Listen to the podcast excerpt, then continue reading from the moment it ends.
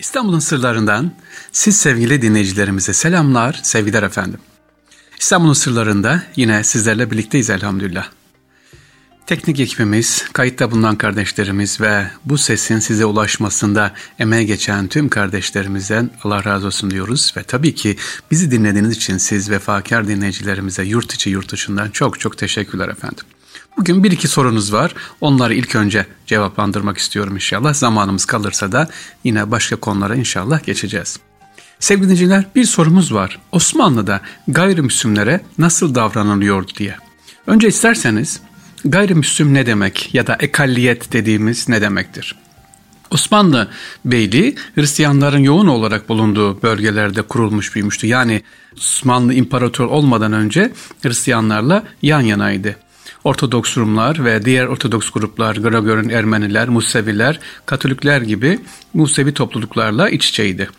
Ee, daha sonra e, özellikle Bursa, İznik ve tabii ki İstanbul'la birlikte büyüyünce İstanbul fethedilince gayrimüslimlere olan davranışlar, onlara yapılacak olan e, muameleler nelerdi? Onlara bir bakalım inşallah. Osmanlı döneminde eğer bir yer fethedilmişse Hristiyan veya Yahudiler özel vergileri vardı.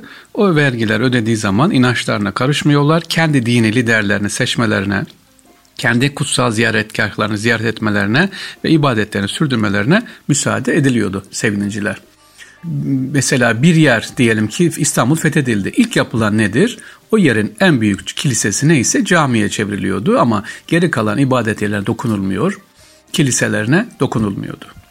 Bu durum fakat mutlak bir yasak değildi. Yani e, kilise inşa edilmeyecek diye bir şey yok. Eğer ihtiyaç varsa İstanbul'da veya Osmanlı İmparatorluğu topraklar içerisinde kilise ihtiyacı varsa izinle kilise inşası ne yapılıyordu? E, müsaade ediliyordu. İkinci Mahmut dönemine kadar kiliselerin tamirleri e, biraz işte izine tabi biraz daha zor, meşakkatli ama 2. Mahmut döneminden sonra özellikle Batı ile birlikte artık kiliselerde kubbe yasağı da kalkıyor. Eskiden kiliselerin gayrimüslimlerin ibadethanelerinin kubbeleri camiye benzemeyecek şekilde yapılmalıydı. Bu önemliydi. Ama daha sonra 1800 özellikle 80'den sonra kubbe yasağı da kaldırılmıştır. Osmanlı yönetimi altındaki gayrimüslimler, sevgili dinciler ne veriyor? Demin vergi demiştim ya cizye dediğimiz cizye vergisi veriyorlar. Peki diyelim ki cizye vergisi veriyor. Ee, Osmanlı İmparatorluğu topraklarında yaşayanlara, gayrimüslimlere bir zarar ziyan olunca ne yapılıyor? Çok şiddetli bir şekilde cezalandırıyor. Hele ki ibadethanelere yapılan bir zulüm olursa bu hem İstanbul'da hem Osmanlı topraklarında şiddetle cezalandırılıyor. Bir olay var. Yavuz Sultan Selim'in Rumlara karşı bir girişim olmuş sevgili dinleyiciler. Biliyorsunuz Fatih Sultan Mehmet Han İstanbul'u fethinden sonra şehirde bulunan gayrimüslimlere istedikleri gibi ibadetlerini yapma hakkı vermişti. Fakat Yavuz Sultan Selim yani Kanuni Sultan Süleyman'ın oğlu ve Fatih'in torunu Hristiyanların ya Müslüman olmasını ya da İstanbul'u terk etmesini istedi. Böyle bir kararı varmış efendim. Fakat gayrimüslimden ileri gelenleri Fatih'in kendilerine inançlarını rahatla yaşamalarını söylediğini aktardılar. Ellerinde ferman yok, yazılı bir belge yok, bulamamışlar. Bunun üzerine İstanbul'un fethini gören yaşlı en yaşlı bir yeniçeri bulup onu götürmüşler. Yavuz Sultan Selim de verdiği emri geri almış. E, böyle bir olay yaşanmış. Bunun dışında başka bir olay yok. Gayrimüslimler Osmanlı Devleti'nde, imparatorluğunda nasıl göreve getiriliyorlardı? İlk dönemlerde orduda görev yapan birçok Hristiyan asker vardı. Evet orduda Osmanlı ordusunda var. Ancak gayrimüslimlerin devletin üst makamlarına gelmek için Müslüman olmaları gerekiyordu. 16. yüzyılda ordudaki gayrimüslim askerler Voynuk, Mortolos gibi geri hizmet kıtaları içerisinde yer alıyor.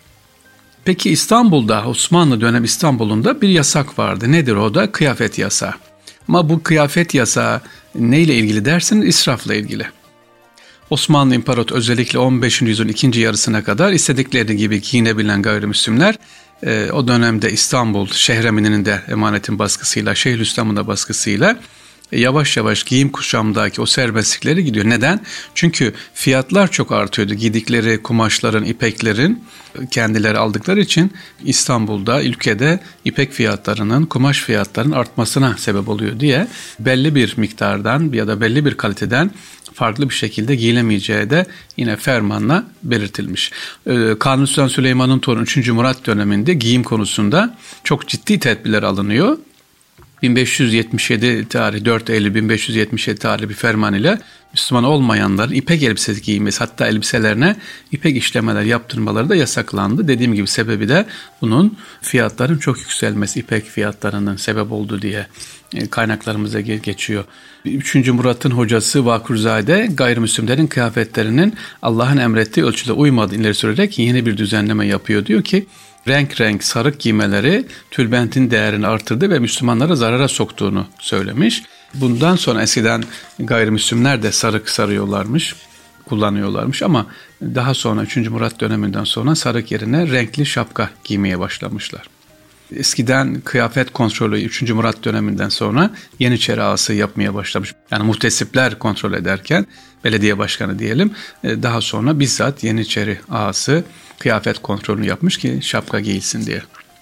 E, şöyle bir şey düşünürsek e, gayrimüslimlerde Müslüman olma oranı neydi diye Boşnak ve Arnavutlar dışında İstanbul'da ya da Osmanlı İmparatorluğu'nda büyük bir oranda sevgiliciler e, toplu Müslümanlaşma ya da devletin böyle Müslüman yapma diye bir zorunluluğu yok. Ya da hiç baskısı olmamıştı. Bunu zaten Balkanlara çıktığımızda görüyoruz. Bulgaristan'dan çıkın Yunanistan, Avusturya'ya kadar gidin. E, oralardaki Müslüman nüfus bellidir. Bosna Hersek ve Arnavutluk dışında ya da Makedonya dışında. E, sebebi de e, çünkü dinde zorlama yoktur dinin yaşanması için, kendileri yaşaması için Osmanlı Devleti gereken neyi varmış e, altyapıyı hazırlıyor, gönderiyor kendisi isterse Müslüman olabiliyor orada da ne yapıyor? Cizyeyi yani o vergiyi kaldırıyor. E, benim özellikle Osmanlı İmparatorluğu'nun gayrimüslimle ilgili dediklerim bunlar ama daha sonra 1800'den sonra 2. Mahmut Abdülmecid Abdülhamit Han döneminde e, git kendi ibadethaneleri, kendi kilise hatta kendi gazeteleri, kendi matbaaları var. Batı'da olduğu gibi özellikle İspanya'da olduğu gibi ya da İtalya'da olduğu gibi bir baskı yok. Biliyorsunuz İspanya ne kadar baskı yapmıştı. E, gemilerle İstanbul'a İspanya'dan Yahudiler geldi. E, sebebi de ne? E, orada Yahudileri tamamen ülke dışına çıkartmak Osmanlı İmparatorluğu sahip çıkmıştı. Evet soru buydu. Osmanlı Devleti'nde İstanbul'un da gayrimüslimler nedir, nasıl davranılıyor diye. Osmanlı Fatih Sultan Mehmet Han'ın vermiş olduğu ferman sonuna kadar Osmanlı İmparatorluğu dönemin sonuna kadar ne yapılmış? O fetva, ferman kullanılmış efendim serbestliğe. Zaten Patrikhane'de hala günümüzde yine Cumhuriyet döneminde de ne yapıyor? Fener'de duruyor. Tıpkı Fatih Sultan Mehmet Han'ın verdiği izinde olduğu gibi.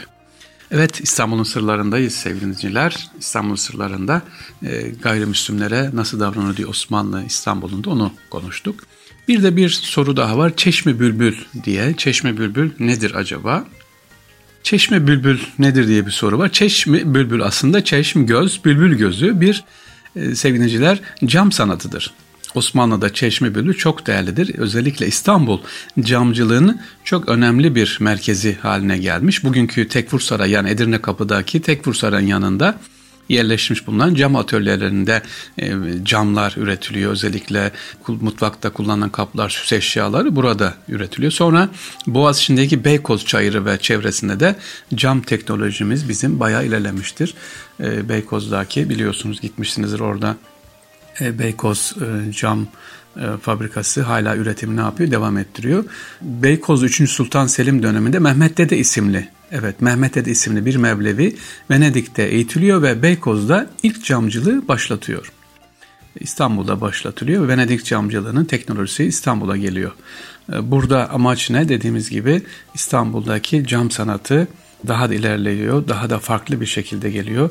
1850 bir Londra Uluslararası Sergisi'nde Beykoz Fabrika Humayun'unda sergisini gö gönderiyor. Yaklaşık 20 küsür e, ürün, cam ürünü e, bu Londra'da sergileniyor sevgiliciler. Demek ki cam sanatında en önemli olan, en değerli olan neymiş?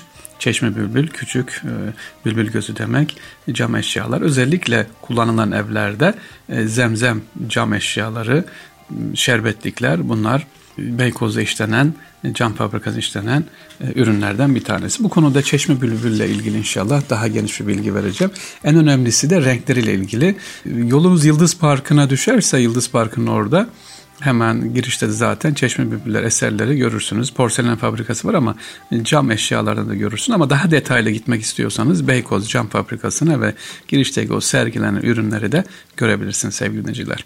İstanbul'un sırlarında İstanbul'daki gayrimüslimlerle ilgili kısa bilgiler verdik ve Çeşme Bülbül neymiş onu verdik efendim inşallah. Tekrar görüşmek üzere. Allah'a emanet olunuz.